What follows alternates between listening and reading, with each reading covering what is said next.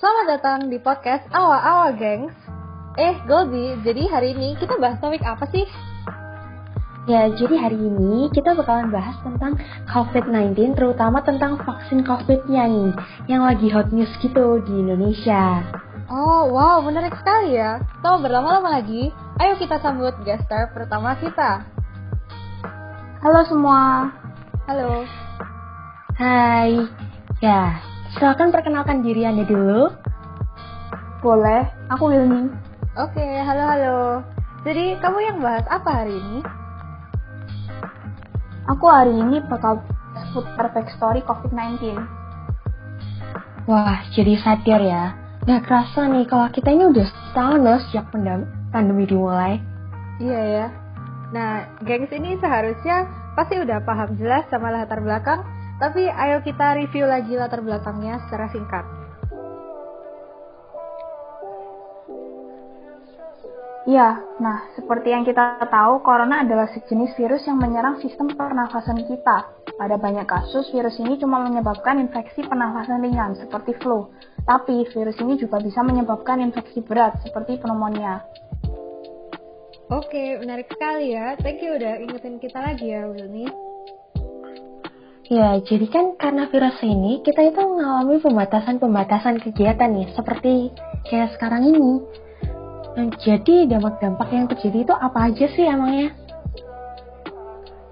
Nah, pada umumnya banyak sekali dampak pandemi ini ke masyarakat Indonesia. Tapi kayaknya yang semua pasti rasakan itu work from home atau kerja di rumah.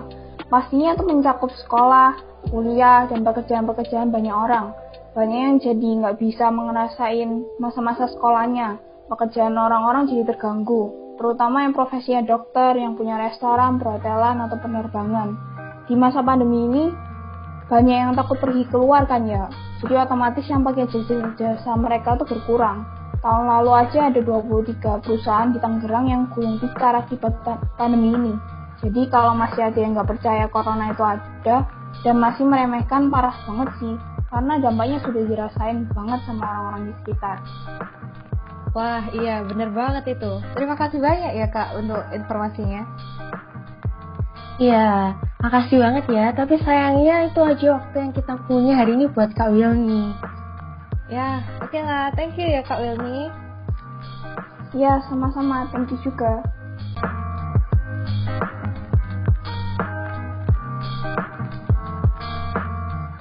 Nah, gengs, kira-kira sejauh ini perkembangan vaksin di Indonesia itu gimana ya? Hmm, iya ya. Ayo kita undang guest star berikutnya untuk tanya-tanya lebih lanjut. Halo semua, nama gue Nick. Kalau nama aku Esti. Halo sobat-sobat, jadi kalian tahu nggak sih tentang perkembangan vaksin di Indonesia gimana? Wah, tahu dong. Aku juga tahu banget. Wah, cakep tuh. Bisa bantu jelasin nggak ke para pendengar podcast tersayang kita? Boleh banget tuh. Jadi vaksin itu pertama dibikin sama negara Cina, yaitu namanya Sinovac. Terus dikembangkan juga sama negara-negara lain seperti Amerika. Jadi beberapa jenis vaksin seperti Pfizer, Moderna, dan Novavax itu dari Amerika. Eits, jangan lupa, bahkan mahasiswa di Indonesia juga sudah mengembangkan vaksin merah putih loh.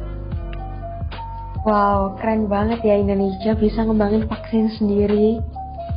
Iya, hebat banget ya mahasiswa Indonesia.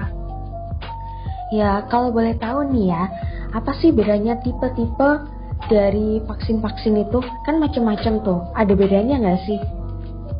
Ada kok, jadi kalau vaksin merah putih itu teknologinya masih biasa aja, dia pakai rekombinan protein.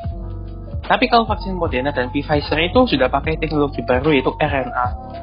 Yang nggak kalah keren nih, ada vaksin Sinovac dari virus yang dilumain, dan juga ada vaksin Novavax dari nanopartikel. Nah, tingkat efikasi masing-masing vaksin juga beda-beda loh. Beberapa di antaranya yaitu vaksin BioNTech, tingkat efikasinya 90%, lalu vaksin Moderna dengan tingkat efikasi 94,5%, lalu juga ada vaksin Oxford AstraZeneca dengan tingkat efikasi 64%, lalu juga ada vaksin Sinovac dengan efikasi 65,3%, dan terakhir vaksin Novavax dengan tingkat efikasi 89,3%. Oh gitu ya. Jadi kalau menurut kakak-kakak ini, kondisi pandemi di Indonesia ke depannya itu bakal gimana sih? Jadi kondisi membaik tergantung dari bagaimana rakyat itu menuruti pemerintah. Kalau masyarakat mau divaksin, pandemi ini bisa cepat selesai loh. Bener banget tuh, vaksin ini baru diberi satu bulan lalu ke tenaga medis. Dampaknya sudah kelihatan sekali. Nah, kalau vaksin diberikan pemerintah ke rakyat pertengahan tahun 2021 dan masyarakat tetap patuh PSBB dan juga pemerintah bijak dan ketat, maka pandemi ini bisa selesai pada tahun 2022 mendatang. Wah, informatif banget ya. Jadi ini memang prediksi dan lainnya itu udah sangat terkalkulasi banget ya. Bener banget. Dan sekarang waktu yang kita punya sama Nick sama RC ini udah habis sayangnya. Wah, sayang banget sih. Jadi baik, terima kasih ya buat Kak Nick dan Kak RC buat waktunya, buat ngeluangin waktu buat ngobrol di sini. Baiklah, thank you semua sudah. Thank you semua, thank you, thank you.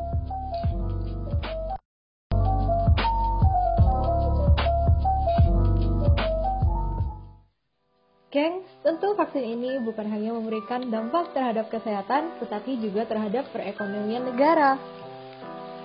Yes, bener banget. Jadi habis ini kita bakal undang narasumber yang bakal jelasin nih tentang perekonomian negara kita saat ini. Hai, kenalin aku Brian. Halo Brian, jadi bisa jelasin nggak sih uh, pengaruh vaksin terhadap perekonomian negara? Baik, jadi vaksinasi memang sudah dimulai, tetapi kegiatan ekonomi tidak akan langsung kembali seperti semula. Hal ini mengingat pemerintah juga masih menerapkan pelaksanaan pembatasan kegiatan masyarakat (PPKM) sehingga sedikit membatasi mobilitas. Jadi kira-kira kapan tuh pertumbuhan ekonomi tuh bisa mulai terlihat pulih lagi gitu?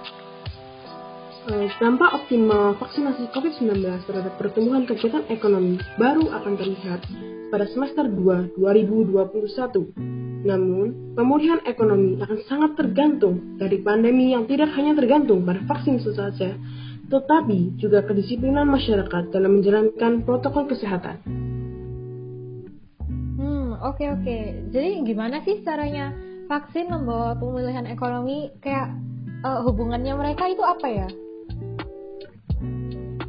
Jadi, ekonomi Indonesia itu kan dipengaruhi banyak faktor yang tidak bisa bergerak sendiri kan, jadi perdagangan, perbankan, dan masih banyak lagi. Dari sektor perdagangan, pastinya setelah divaksin orang-orang akan lebih berani untuk keluar rumah jalan-jalan gitu ya. Dengan begitu, pastinya mereka harus melakukan konsumsi rumah tangga atau lain-lain. Semakin baliknya, ekonomi juga pasti orang-orang lebih berani membuka bisnis, jadi mereka pastinya meminjam uang dari bank investor asing juga pasti lebih berani untuk berinvestasi di negara kita, melihat ekonomi kita yang semakin lama semakin bagus. Oh, gitu ya. Menarik banget sih kalau informasi tentang perekonomian negara itu. Iya, keren banget ya. Ternyata semua jadi itu bergantung dengan sesama ya. Iya, benar banget itu. Mereka itu seperti roda mesin. Kalau satu berhenti, pastinya semua berhenti. Jadi semakin cepat vaksin ini disebar, diharapkan kita bisa kembali kehidupan seperti dulu dan perekonomian negara juga bisa pulih ke normal. Baik, terima kasih untuk waktunya hari ini ya Kak Brian.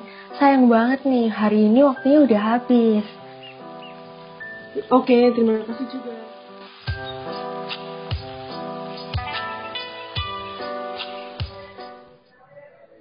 Baik, ya terima kasih sekali lagi untuk semua gestar hari ini atas informasi yang telah diberikan ya. Jadi, dengan kita semua diberikan vaksin, maka perekonomian negara kita akan perlahan pulih membaik dan kita dapat beraktivitas kembali di luar rumah dengan lebih berani dengan rasa lebih aman. Iya, tapi kita belum bisa berharap untuk kembali hidup seperti biasa sebelum COVID-19 ya, geng. Iya, benar banget. Karena kita juga masih harus menggunakan masker dan tetap menaati protokol protokol kesehatan menggunakan 3M, yaitu menggunakan masker, mencuci tangan dan menjaga jarak, serta 3T, testing, tracing, and treatment. Nah, apalagi buat teman-teman yang masih ragu nih sama vaksin. Tenang aja, vaksin dari pemerintah tentunya sudah diuji dan gak mungkin dong pemerintah mengedarkan vaksin yang membahayakan tubuh kita. Pak Jokowi aja berani divaksin, masa kita rakyatnya nggak berani? Bener banget. Jadi ayo teman-teman, kita sebagai warga negara yang baik, jangan takut untuk divaksin ya, dan selalu menerapkan protokol kesehatan.